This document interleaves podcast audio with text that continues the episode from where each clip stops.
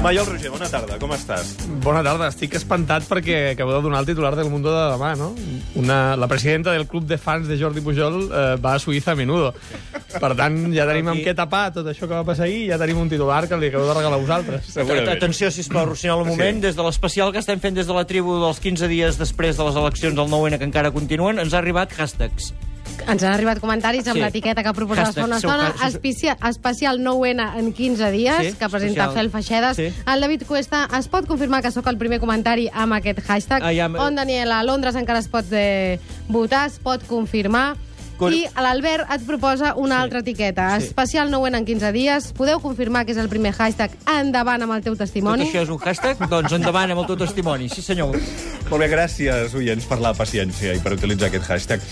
Maiol Roger eh, ve avui a, a portar-nos les tres claus de l'endemà del 9-N i la primera és del botifarrèndum a la botifarra. Sí, he evitat dir consulta de Chichinabo, perquè Ja no ho és, no ho va ser. No ho va ser. Ja vam dir el primer dia, quan vam avisar que era consulta, Sí, ara, consulta ara, de Chichinabo. ara, ara, sí. Vam dir el primer dia. Jo ja vaig dir, Sí, que això és sí, molt sí. de tertuliano, eh, que depenia de la gent que la consulta fos el que ens havia plantejat el president Mas, que recordem que ell mateix va dir que no tenia cap validesa, li va rebaixar la importància, o fos important.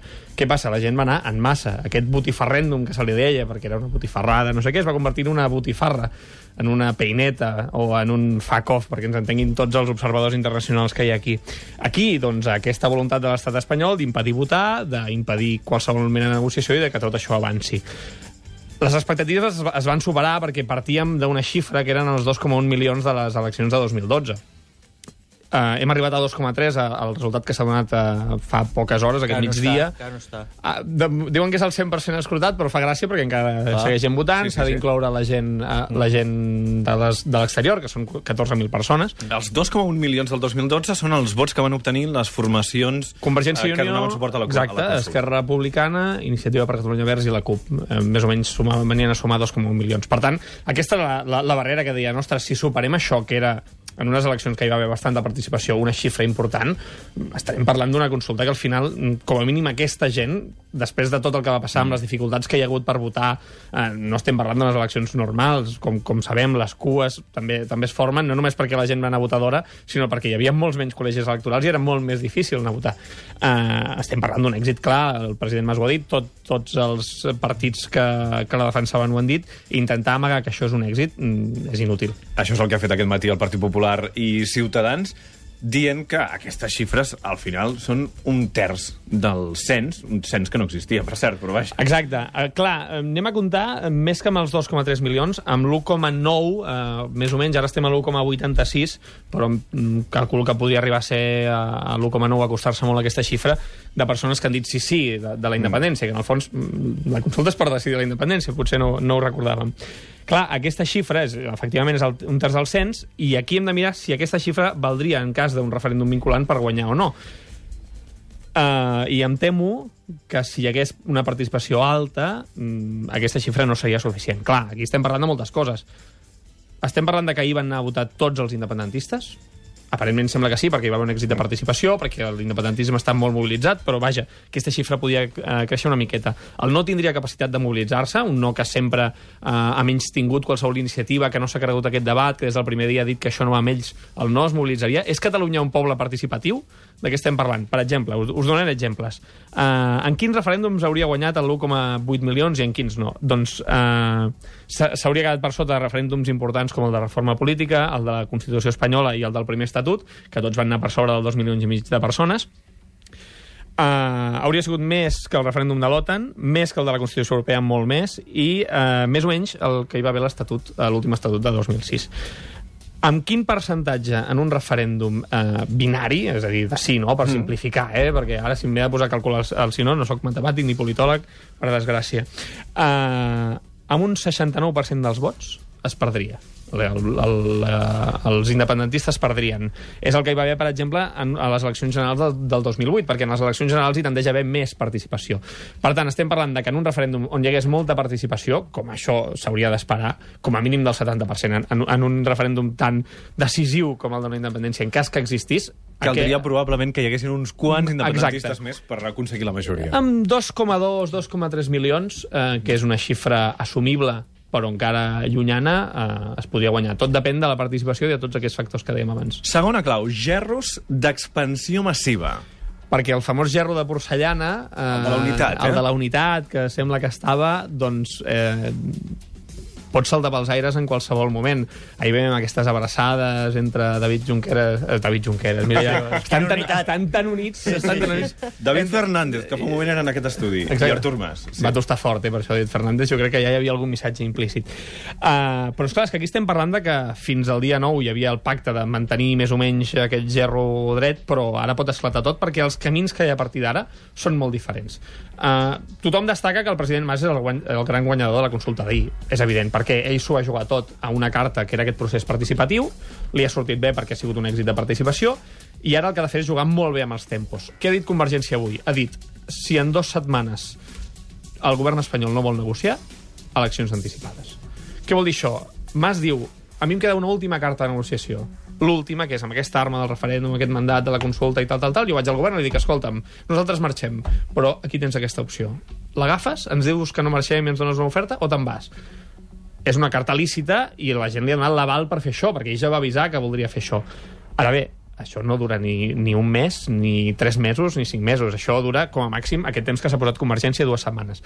Junqueras té una papereta, una papereta difícil, perquè eh, ha d'esperar un error del rival. Si Mas l'encerta i surt tot bé i, i és clar en el camí de la majoria del poble, diguéssim, eh, doncs mm, la seva victòria electoral que estava per descomptada pot afectar-se, perquè, perquè Mas surt reforçat d'ahir.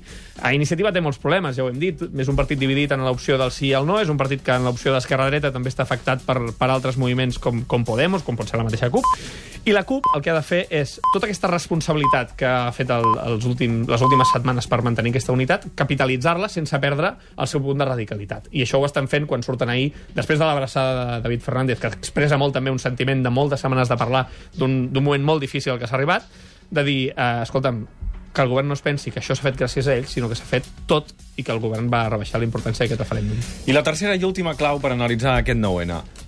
El ponstoreig. Sí, perdoneu, és un joc de paraules pèssim, ho reconec, però, però estava molt cansat ja he portat moltes hores treballant. Postoreig i pons. Exacte, ahir vam veure el ministre de Justícia, Rafael Català, quin cognom tan, tan bonic per aquest ministre i pel que va dir amb aquell I aquell micròfon que tenia. amb- Maco, eh? Sí, sí, sí. sí. Amb cinta adhesiva. Eh, exacte, va ser, va ser lamentable. Com, no només Una imatge la- de modernitat, Sí, eh, sí, sí. Era, per era, enviar al món. Era l'expressió Sí, de sí. l'estat espanyol, bà- bàsicament.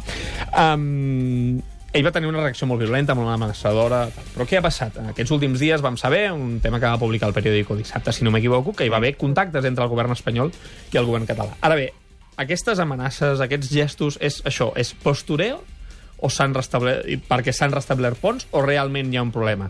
Aquí el que sembla és que aquestes negociacions, que recordem les, fa les va fer Joan Rigol, en teoria com a iniciativa personal, però que Mas n'estava informat, van ajudar una mica a rebaixar tensions.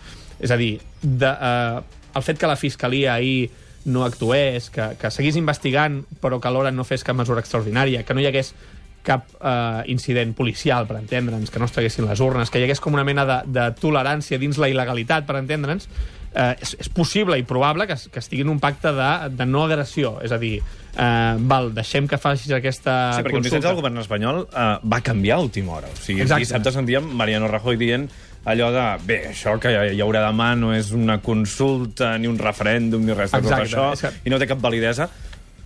I, i se sobreentenia, però que ho faci. però que ho facin, exacte. És a dir, és que si el govern espanyol pensava en algun moment en el seu exercici de força i d'autoritat, que com diria el, el, el conseller Homs és un ordeno i mando, que, que, que portant la policia a treure les urnes frenaria alguna cosa és que s'ha s'ha equivocat. Per tant, jo crec que aquí la labor de Joan Rigol sí que es notava en aquest magma de dir, uh, escolteu, la, la gent vol votar, eh, deixeu que hi hagi aquesta expressió, encara que sigui un botifarrèndum, com dèiem abans, o una consulta presumptament de Chichinabo, eh, però clar, segurament el govern espanyol no s'esperava aquesta mobilització. I fins on arriben aquests ponts se sabran aquestes setmanes. Si el que ha és un intent de Convergència de dilatar el procés i de buscar un encaix amb Espanya, un, un enteniment, una reforma constitucional, qualsevol cosa que no sigui votar eh, la independència, estarem parlant que aquestes negociacions han anat més enllà del que a molts partits els agradaria. Si aquestes negociacions només han permès que el dia 9 de novembre es pogués votar, encara que sigui de manera difícil, doncs serà una altra cosa. Demà serà un dia important, no, Maiol? També. Demà serà un dia molt important perquè el president Mas ens dirà què faran els propers 15 dies. Avui ho ha dit Convergència. En 15 dies eh, s'intenten aquestes negociacions del govern espanyol i si no funcionen es convoquen eleccions. Saps quin és el primer dia que es poden convocar eleccions de, uh, des de, a partir d'aquí 15 dies? El 25 de gener. Exacte, si no vols afectar les vacances de Nadal i els dies festius. Increïble. Bueno, però no sabem, que eh? serien el 25 però no ho de sabem, gener. A no sabem, no sabem, què passa. perquè la política és mm, tan canviant. Doncs sí, demà és un dia important, fins demà. Maiol. Exacte, aquí estaré. Molt bé. Puc quedar aquí a dormir Sí, ja, sí, si directament? vols. que vagi bé. Fins demà, Maiol. I a vosaltres, els oients, us demanem que ens truqueu 93 201 7474 per explicar-nos com vau viure la jornada d'ahir i com viviu el dia després. Aquest 10N, dia en què encara en alguns llocs es continua votant, com al Palau Robert de Barcelona, d'on ve el Xuriguera, que ja ha arribat a les... Sí, hola, bona tarda. Sí, hola, bona tarda. Que parlis així, perquè ara ja estàs a la taula. Bona tarda, Xuriguera. Et donem la benvinguda aquí als estudis Hola, en el programa moltes gràcies. El 9N i 15 dies més, Xuriguera. 9N, 15 dies hashtag. Sí.